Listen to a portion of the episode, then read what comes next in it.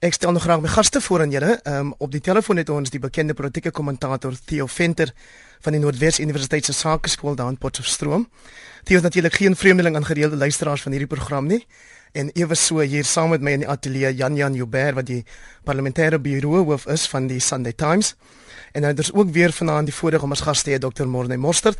Hy is die direkteur van die Universiteit Stellenbosch se Instituut vir Toekomsnavorsing. Goeienaand aan julle al drie.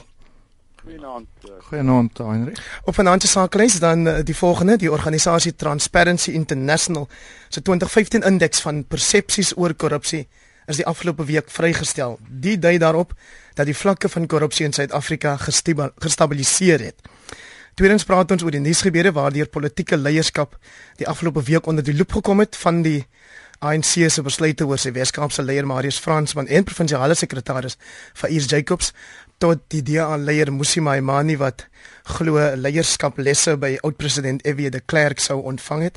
Ons praat ook van ook vanaand oor die hofoorwinning wat die afgedankte Idols beoordelaar en media-persoonlikheid Gerrit Cliff teen Mnet behaal het, maar spesifiek wat ons daaruit leer oor die kompleksiteite van beskuldigings van rasisme hoewel die hofsaak in hierdie geval natuurlik nie met ehm um, die beskuldiging van rasisme per se te doen gehad het nie, maar liewer oor Mnet se besluit om hom as 'n uh, Idols beoordelaar uh, af te dank en Natuurlik is hy nou weer heraangestel. En dan laastens gaan draai ons ook in die Eikerstad met 'n bespreking oor die afgelope week se konvokasievergadering by die Universiteit Stellenbosch in besonder oor die uiteenlopende toesprake deur die digter Breiten Breitenberg en die nagraadse student Lovelin Nwadi. Ehm um, Theo Venter, gee asseblief vir ons jou inleidende indrukke oor Suid-Afrika se 61ste posisie in Transparency International se korrupsie-indeks van 168 deelnemende lande. Hendrik op die oog af lyk dit asof korrupsie ehm um, gestabiliseer het, amper net soos misdaad dat dit in 'n sekere sin sywaarts begin beweeg, maar ek dink daar is baie meer agter daardie getal, daardie daardie indeks bedrag wat wat aan Suid-Afrika toegeken word as net dit. In die eerste plek moet ons onthou dis 'n persepsieopname wat gaan oor die soewereine um, ontleding van 'n land en met soewerein beteken bedoel ons gewoonlik die nasionale ontleding. Met ander woorde dis 'n dis 'n grootliks oorwoe makrosiening van korrupsie. Ja. As jy laer afdaal na die vlakke van kom ons sê provinsiale regerings en plaaslike regerings en dies meer dan lyk dit heeltemal anders. Ek wil net twee goed noem. Ehm um, wat wat daai prentjie vir ons miskien 'n klein bietjie meer volledig maak. In die afgelope week het die het die burgemeester van Beaufort Wes geen geheim gemaak van hoe en wat hy wil doen ten opsigte van sekere projekte in Beaufort Wes. Dis 'n bekende man wat nou al dikwels in die nuus was ook oor ander stories, meneer Prins. Dis hy.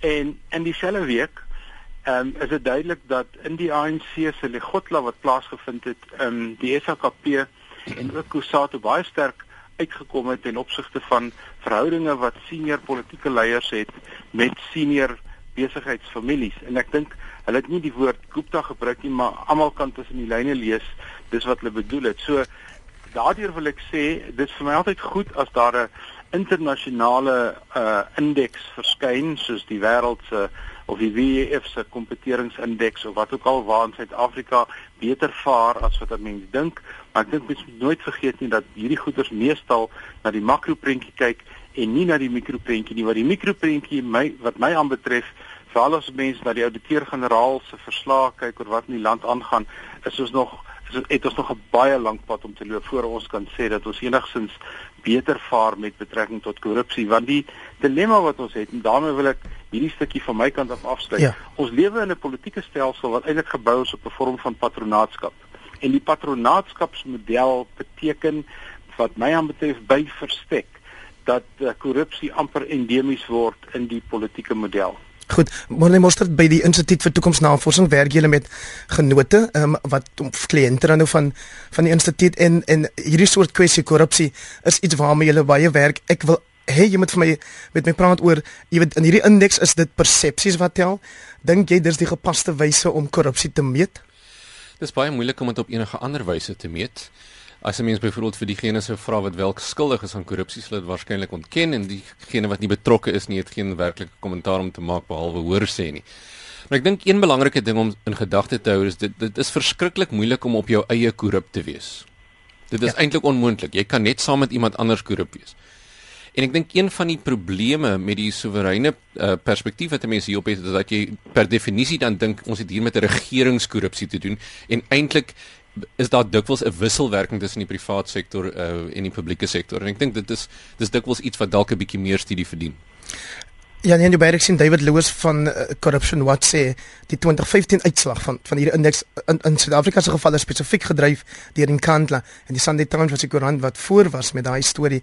Ehm um, hy vermoed wel dat die sogenaamde Nene Gate of die afdanking van die finansminister gaan die 2016 uitslag beïnvloed. Ja, want ehm um, as jy kyk en dankie Heinrich, ons doen ons beste, maar ehm um, wat wat die afdank van die van die minister van finansies betref, dis nie onverwant aan die hoofberig wat ons vandag het nie. Want daar was baie sterk menings dat die afdanking van meneer Nene wat 'n geweldige swak invloed gehad het op die rand en op ons ekonomie het alles te doen gehad met die Gupta invloed op die ja. presidentskap omdat dit 'n um algehele presidensiële prerogatief is en die president baie duidelik op sy eie opgetree het is daar baie min mense wat sal sê dat die Guptas niks daarmee te doen gehad het nie. Ek wil ook sê, jy weet, Theo is 'n vreeslike ordentlike man. So hy het so al om die punt gegaan rondom dat dit president Zuma en die Guptas is. Maar as jy kyk omtrent so die 5de paragraaf van ons hoofberig vandag, um sê die man van die SAKP reguit dat hy na die Guptas verwys het. So hy het gesê dis die olifant in die kamer en ek dink wat hy reg gekry het. En dit is altyd waar die liberale en die kommuniste tog maar ooreenstem daar's twee goed waar liberales en kommuniste ooreenstem. En ek kan sommer sien die regse mense sit reg op want hulle het altyd gedink. Maar dis net twee goed, dis nie rassigheid, skies tog en anti-korrupsie. En as as ons op daai twee goed kan staan, dan dink ek selfs dan al jy met niks anders saamstem wat die kommuniste doen nie. Punte vir hulle dat hulle die president uitgeroep het daarop. Theo Venter, wou jy nou saamstem dat dit 'n baie goeie ontwikkeling is in die politiek? Ja nee, ek dink dit is 'n baie goeie ontwikkeling en ons moet dit nie los staande sien van 'n 'n dieper liggende proses wat in die ANC afspeel nie. Jy sien hier's baie goed wat hier aan mekaar raak, wiele wat in wiele draai. Die die president is sedert Desember maand en jy het nou na Nene verwys en die hele die hele des van Rooi Nene storie. Ja. Die president is sedert daai tyd 'n um, 'n swakker president as wat hy voor die tyd was. En seker ander politieke leiers het sterker na vore gekom en binne die ANC is daar baie duidelik besig om sekere skole te ontwikkel ten opsigte van waar jy nou na 2017 toe. En korrupsie is een van daai kwesbaarhede wat as jy uitgevang word en ons president is by verskeie kere al uitgevang, maar hy slaag daarin om woerwoer te speel met die wet en die reg. Hy kom daarvan, hy kom skotvry daarvan af.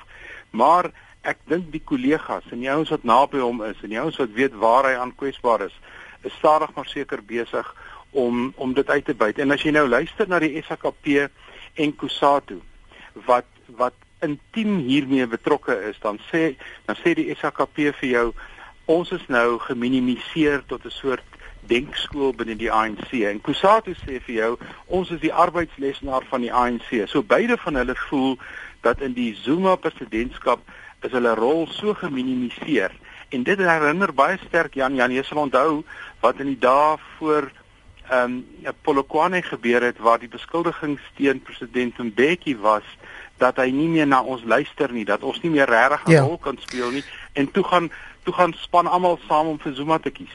Ja ehm um, môre ek ek dink wat ons dalk in die toekoms gaan sien is dat om te dink aan president Zuma as die oorsaak van korrupsie is dalk 'n bietjie oorvereenvoudig en ek dink wat wat sal gebeur in die toekoms is ons gaan leer dat president Zuma is eintlik die gevolg van korrupsie eerder as die oorsaak. Dit doen hom natuurlik geen guns dat daar vandag op rapport se hoofberig um, of so voorbeeld liewer berig word dat vriende van hom in Angola iets soos 80 miljoen rand uit die aanskaffing van lokomotiewe ontvang het. Ja, ek dink nie hy is die oorsaak of die gevolg nie. Uiteindelik is hy 'n persoon met met 'n eie wil.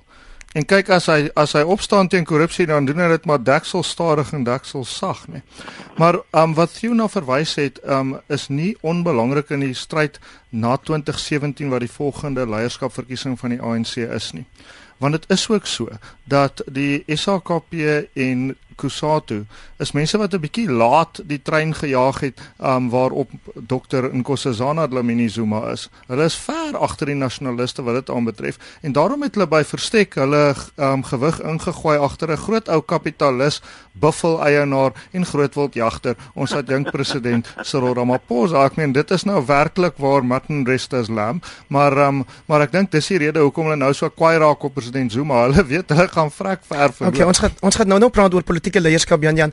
Ek wil net nog terugkeer weer na die die kwessie van korrupsie Morne Mostert. Jy het gesien die afgelope paar dae in elk geval dat ons het, jy weet, ehm um, beskuldigings van korrupsie, jy weet, van uit sien nou maar rugby kringe tot cricket kringe.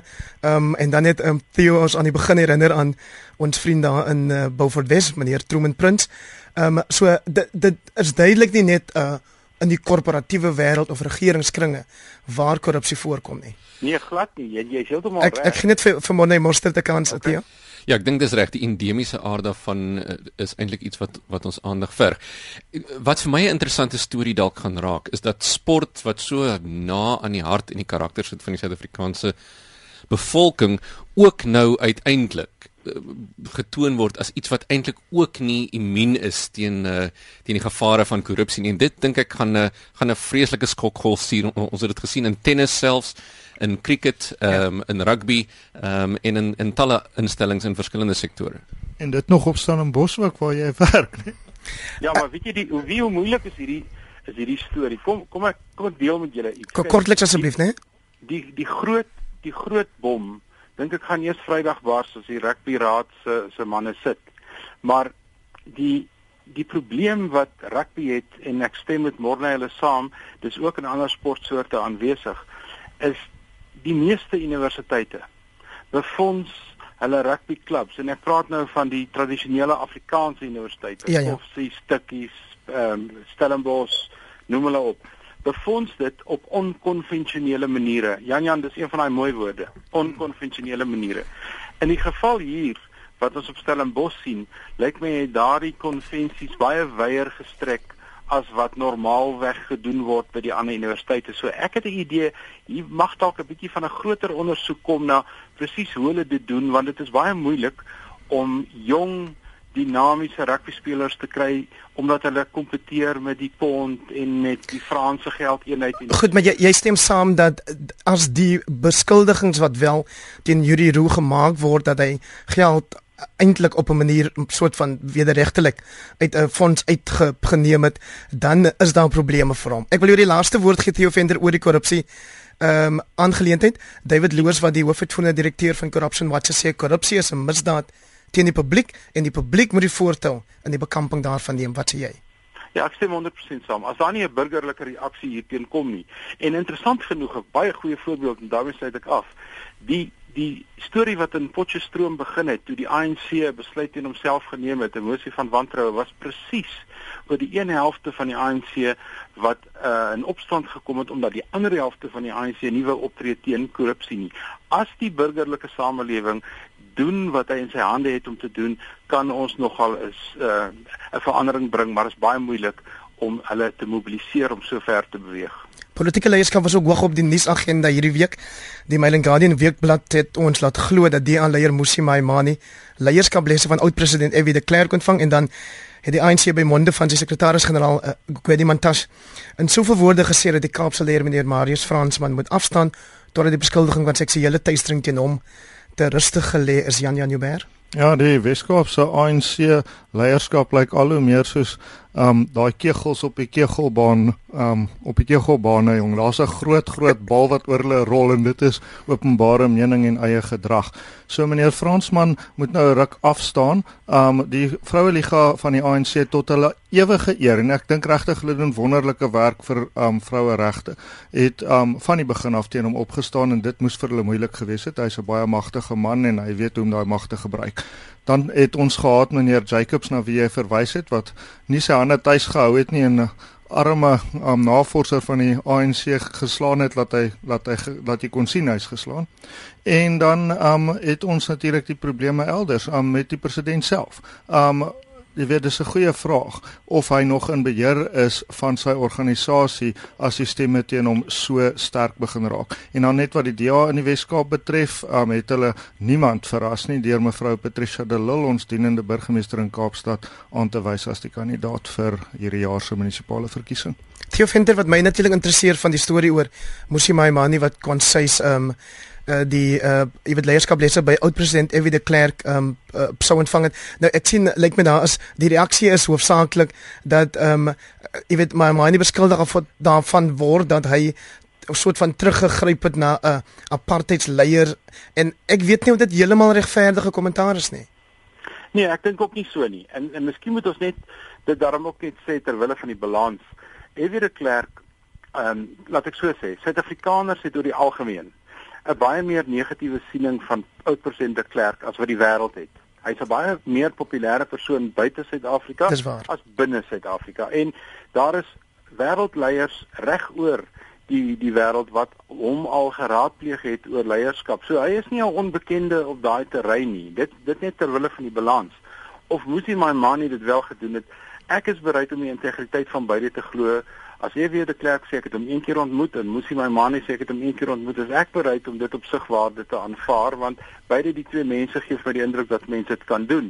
Ek dink net dis die kwesbaarheid van 'n debat wat ons net ons sal kom as ons by 'n uh, klomp ander debatte oor ja. rasisme kom. Ek het net 'n idee hier word kaartjies om mense se nekke gehang en die oomblik wat hulle die kaartjie om jou nek hang dan het jy 'n probleem. Dan moet jy nou begin verdedig. Kom ek vra jou dan nou as iemand wat die politiek vir so lank in hierdie land dophou, wat sou jy sê uit president of oud president de Klerk se leierskapstyl kan Musi Maimane of enige ander leier leer?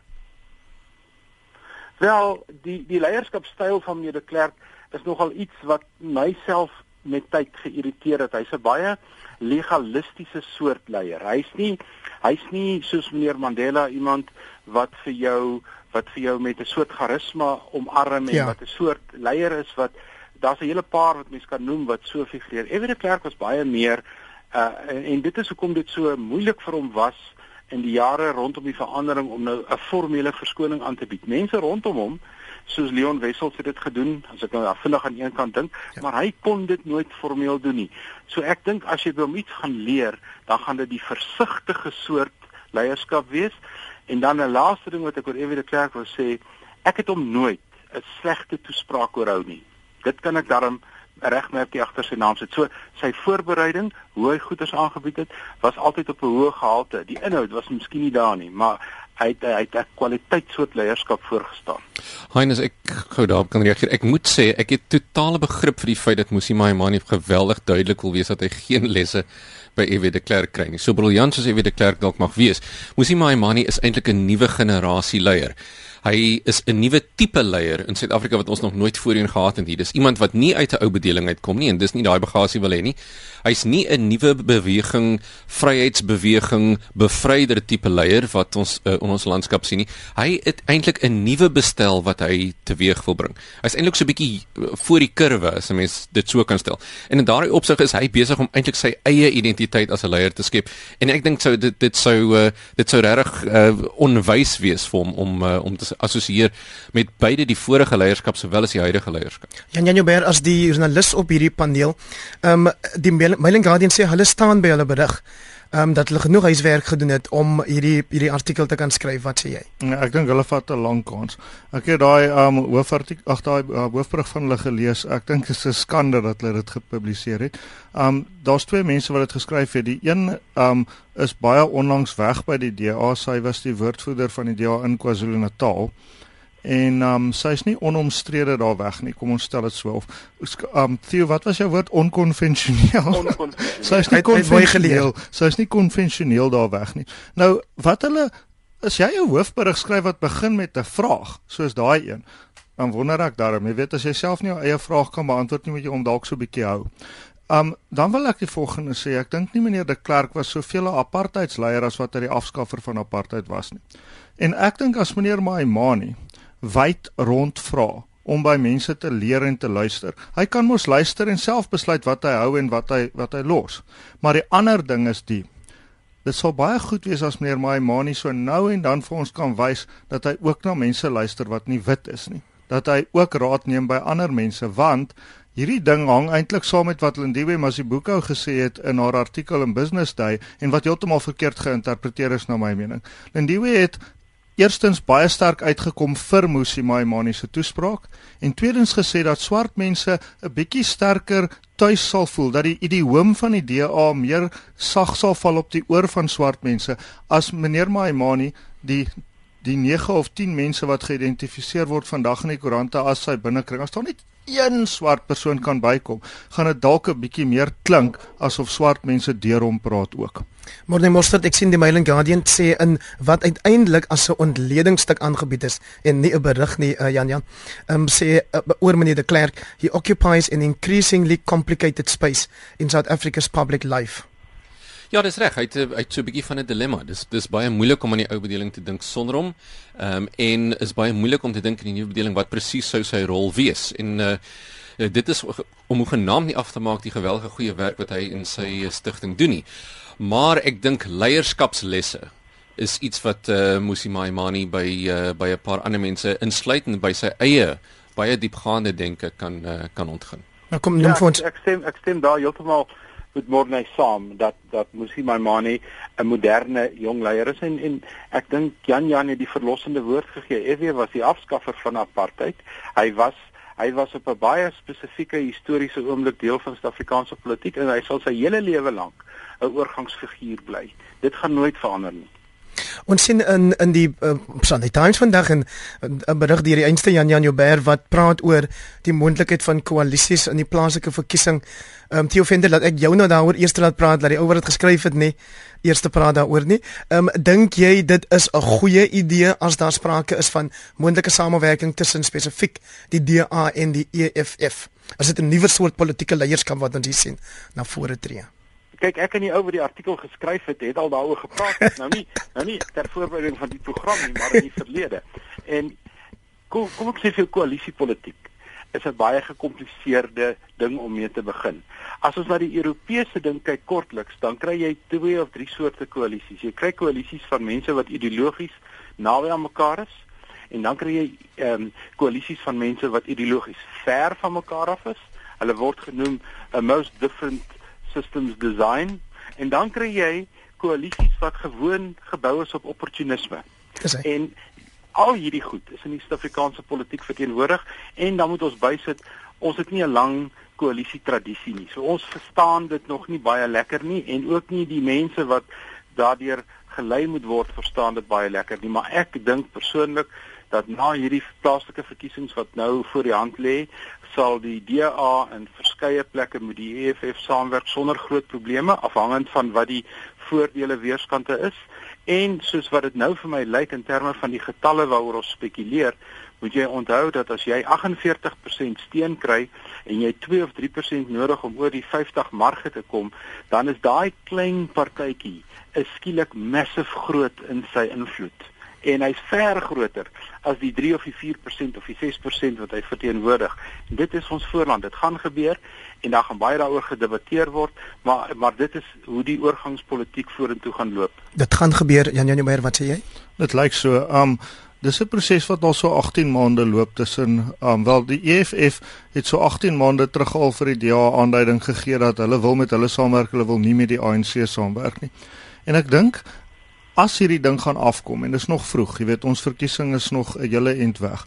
Maar as hy gaan afkom is een van die belangrikste goeters dat hulle nie ooreenkom oor wat hulle oor saamstem nie, maar oor dit waaroor hulle verskil en oor waar die lyn getrek moet word tot hier toe en nie verder nie. Onthou nou, as dit, ons praat van die metro's van uh, Johannesburg en Port Elizabeth veral, um, dan kyk ons daarna dat die DA gaan die groter party wees. Maar as ons kyk in Limpopo en in die myngebiede van Noordwes, dan sit andersom.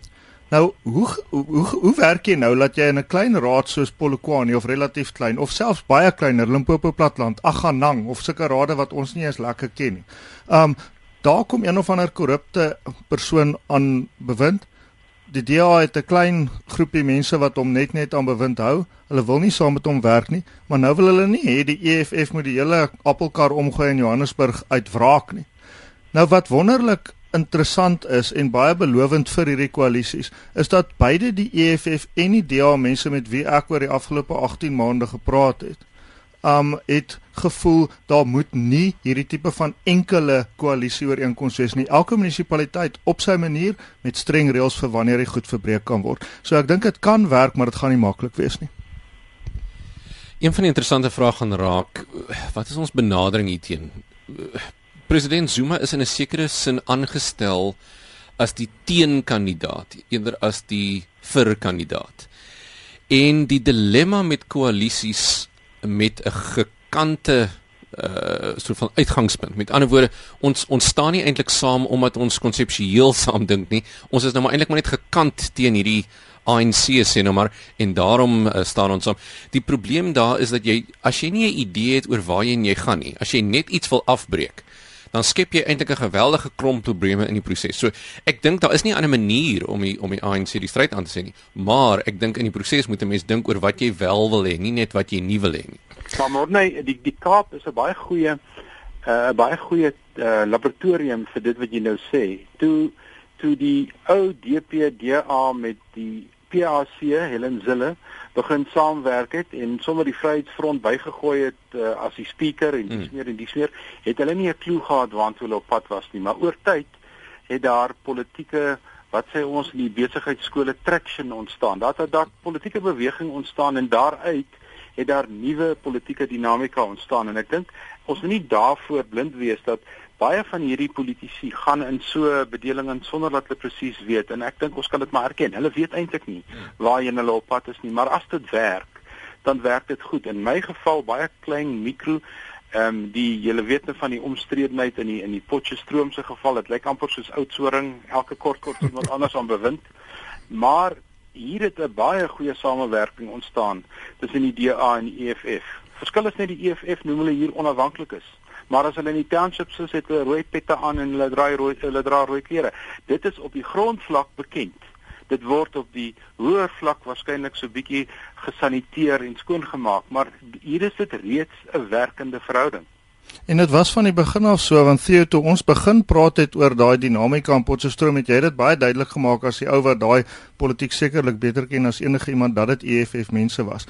Ek dink as jy praat met die DA EFF mense op nasionale vlak, is die dinge waaroor hulle saamstem, is dat hulle moet hierdie munisipale verval op 'n manier keer dat hierdie korrupsie sneeubal moet op 'n manier gestop word. En die verskille wat hulle het, en ons weet tog wat daai verskille is. Jy weet oor nasionalisering en oor grondonteiening en sulke goed. Dit kan 'n munisipaliteit nie doen nie. Daar's verskriklike realisme aan die kant van daai DA leierskap en die EFF leierskap wat met mekaar praat oor wat hulle wil doen. Hulle wil nie een word nie. Hulle wil saam staan teen iets wat hulle dink verkeerd is en ek dink dit is hoekom um, hulle op munisipale vlak wil saamwerk glad nie op iets anders nie. As 'n laaste woord Jan Jan, jy's van jou, ekskuus byt net vas Theo.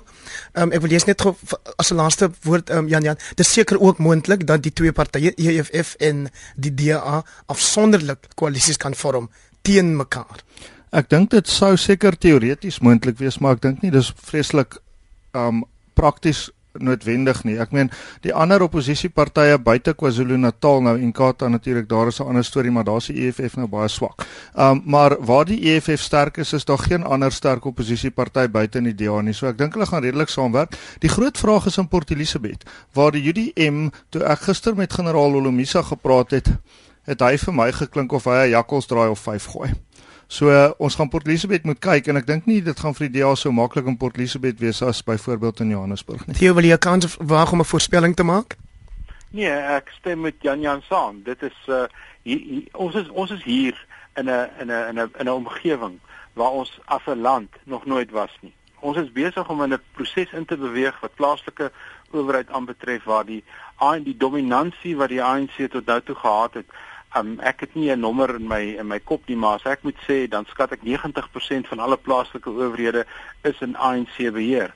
En ek dink dit is die teiken op die stadium en die wat wen, en ek het dit gesien plaaslik en ek het dit op ander plekke ook gesien, die oomblik wat jy beheer kry nadat jy 10 of 20 jaar nie politieke beheer gehad het nie, vat dit vir jou 'n rukkie om om uh, om jou beerings te kry en ek dink ons gaan ons gaan ons gaan in 'n moeilike fase in en na die verkiesing waarskynlik nog 'n bietjie groter onduidelikheid voor ons duidelikheid sou kry. Een klein dingetjie net. Um die opskrif was 'n effe misleidend. Dis nie net die DA en die EFF nie. Dis verskeie van die partye en ek dink nie die ander partye wil nou genoem word nie, maar ek het met vier partye gepraat wat wat met mekaar praat. Um so so dis nie net 'n DA EFF ding nie. Dit is nou half 9 uur op RSG 100 tot 104 FM en jy is ingeskakel by die program Kommentaar. My gaste vanaand is die politieke kommentator Theo Venter van die Noordwes Universiteit se Sakeskool, Jan Jan Joubert wat die bureau hoof is of parlementêre bureau van die Sunday Times en dan Dr. Morne Mostert van die Instituut vir Toekomsnavorsing. Dis vir Morne Mostert wat ek dan nou vra om ons derde storie in te lei. En dit is oor die media persoonlikheid Gerrit Cliff se so hofoorwinning oor Mnet om sy pos as idols beoordelaar te behou of terug te kry dan. Wat leer ons hieruit oor maatskappye se optredes of se reaksies teen werknemers wanneer daar beweringe van hierdie aard in die geval rasisme teen hulle gemaak word? Ja, dit is 'n geweldige interessante verskynsel hier Die een ehm um, baie duidelike ding is uh en dis die les vir almal wat luister is wees baie versigtig wat jy sê in enige platform want jou jou werkgewer is natuurlik besig om te luister en te lees en te kyk. Ehm um, die tweede ding is dat uh die uitspraak van die hof het natuurlik niks te maak gehad met uh rasisme nie. Die hof het nie besluit of of Gareth Cliff self rasis was of nie. In werklikheid die partye het voor die tyd besluit hy was nie. Uh, as dit relevant is. Ehm um, dit het eintlik maar gegaan oor 'n kontraktuele uh verskil en 'n uh, e-pos wat gestuur is en so aan en die, die hof het toe nou in, in termynste van klip besluit. Maar ek dink Mnet het 'n paar uh, interessante soort van ehm um, gedragspatrone getoon hier wat dit baie moeilik maak vir die korporatiewe omgewing in Suid-Afrika. Rasisme is net so 'n verskriklike sensitiewe ding. En dan dan wil mense nou vra, het hulle het hulle bietjie oorsensitief gereageer? En die hof het op die ount natuurlik nou uh, besluit in 'n sekere sin het hulle oorgereageer. Hulle het 'n paar dinge baie goed gedoen. Ek dink ehm um, in die eerste geval het hulle het hulle met uh, Cliff ooreengestem dat, dat rasisme nie die eintlik die kwessie is nie. Ehm um, dan wonder mense natuurlik waarom hy dan nou afgedank is as dit nie die kwessie is nie. Dit klink 'n bietjie kontradiktories. Die tweede ding wat ek dink hulle baie goed gedoen het is ehm um, hulle het natuurlik nou die kontrak hernie. Met ander woorde in sekere sin ehm um, aanvaar die geldigheid van die hof en ek dink dit is 'n baie belangrike soort van teken wat hulle aan die media gee dat ons mag van mekaar verskil en ek dink dit is 'n goeie Suid-Afrikaanse kenmerk maar op die ou end as die hof besluit dan gaan ons daarmee saam. Nou die die vraag is het hulle die mark reg gelees en vir 'n media maatskappy is dit natuurlik 'n verskriklike belangrike vraag. En dit is interessant dat Gareth Cliff is natuurlik 'n media persoonlikheid. So hier het jy 'n media huis met 'n media persoonlikheid en 'n media gedrewe produk, naamlik Idols, wat in so baie interessante wisselwerking met mekaar werk. Dit gaan geweldig interessant wees wanneer die eerste uh swart uh, deelnemer aan Idols daar sy verskyning maak en Gareth Cliff maak sy mond oop. ek dink ek dink dit gaan een van die mees gefokusde uh oomblikke van die Idols proses wees. Ja, ja. Maar wat vir my wat vir my gefassineer het van die saak was dat hy uh, vir Dali en Polfu gebruik het as sy advokaat wat nou reeds uh, sy dra, is dis 'n senior senior advokaat nou. En uh, jy weet die prokureursberoep is 'n interessante beroep. Partykeer wat besluit word deur die regter en hoe dit bereg word, um, vind plaas nadat daar baie bilaterale gesprekke agter die skerms plaasgevind het. En ek het 'n idee. Gareth Cliff is die eerste ou wat ek kan onthou in onlangse verlede wat wat uit die dampkring van rasisme uitbeweeg het en die ding kon swaai na 'n gedeelte wat beregbaar is. Chris Hart kon dit byvoorbeeld nie doen nie. Chris Hart het gehardloop en en en en kop gaan wegsteek en Standard Bank het tot nou toe nog nie eintlik heeltemal tot verhaal gekom oor die hele storie nie en as mens Chris Hart se se tweet nou gaan lees dan wonder jy waaroor was die hele geweld. Maar ek dink hier het 'n baie belangrike ding gebeur. Kry vir jou goeie regsadvies en moenie net dat die ouens oor jou storm loop nie. Ons is jy's jy die woord gebruik sensitief. Ek dink ons is selfs baie keer totaal onkundig in die land oor wat rasisme in werklikheid is en wat dit nie is nie. Ek ek dink dit is absoluut so. Ek ek wat vir my ook 'n interessante verskynsel was is net die mag van die individu. Hier het jy nou 'n uh, uh, eintlik 'n baie goeie teken van 'n van 'n baie gesonde regstelsel, die magtige Mnet die korporatiewe uh reus dan teen uh, die persoonlikheid van Gareth Cliff en I mean sien ook in die FSI die verskynsel van hierdie individue wat hierdie geweldige persoonlikhede ontwikkel en eintlik 'n soort van brand op hulle eie raak en die twee brands wat mekaar nou hierdie stryd aan sê. Ek dink dis vir ons 'n goeie teken wat hier gebeur het. Ek dink ons ons dit is 'n goeie nuus storie van Suid-Afrika hierdie week. Jan Jan Joubert behalwe dat advokaat Dalium Pofo wat natuurlik nasionale voorsteur ook is van die EFF onderskoot kom omdat hy nog kan sê 'n rassis sou verdedig het in die hof. Wel, jy weet, um jy jy lê my nou in die versoeking om te sê soort soek soort en ek gaan nie.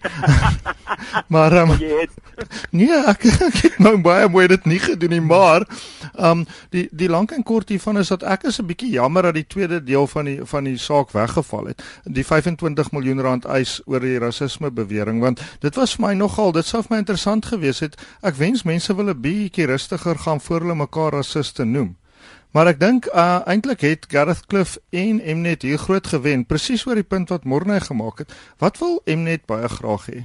Hulle wil hê mense moet daai program kyk en gemens gaan daai program mis nie. Want as Gareth Cliff die eerste swart um persoon gestel nou maar daar's mos 3 van hulle wat beoordeel as ek reg onthou nê. Um as as as die eerste een nou sê die eerste swart um persoon moet gaan en die tweede een sê hy moet bly en dit's vir Gareth om te besluit.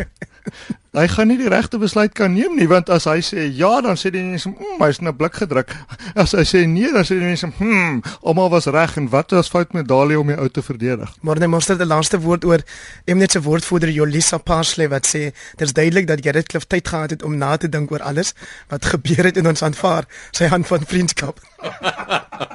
ja, ek dink dit is 'n uh, dit is 'n uitstekende voorbeeld van uh, van hoe groot uh, korporatiewe organisasies die die media ook kan gebruik tot hulle voordeel.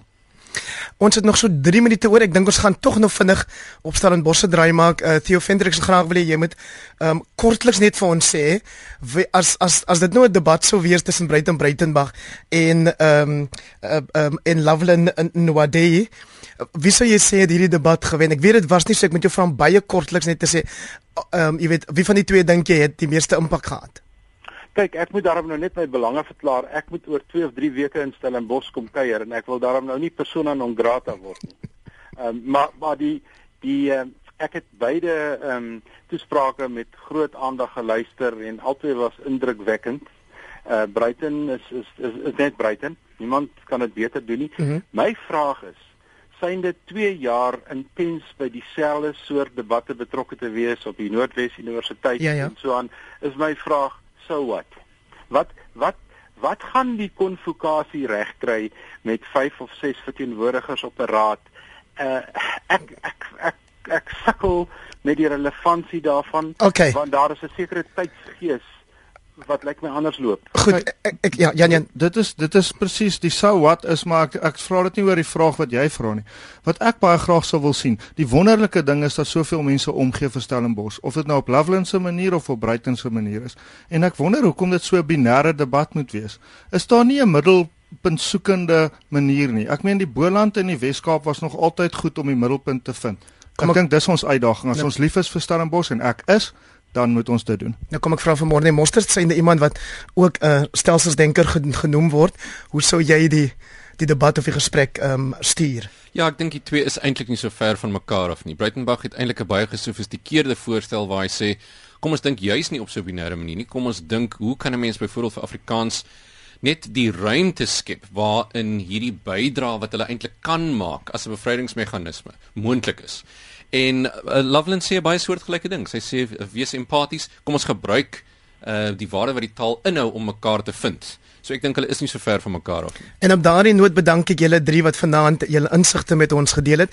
Theo Venter daar uit Potchefstroom met Jan Jan Joubert en Dr. Morne Moster die in die ateljee saam met my.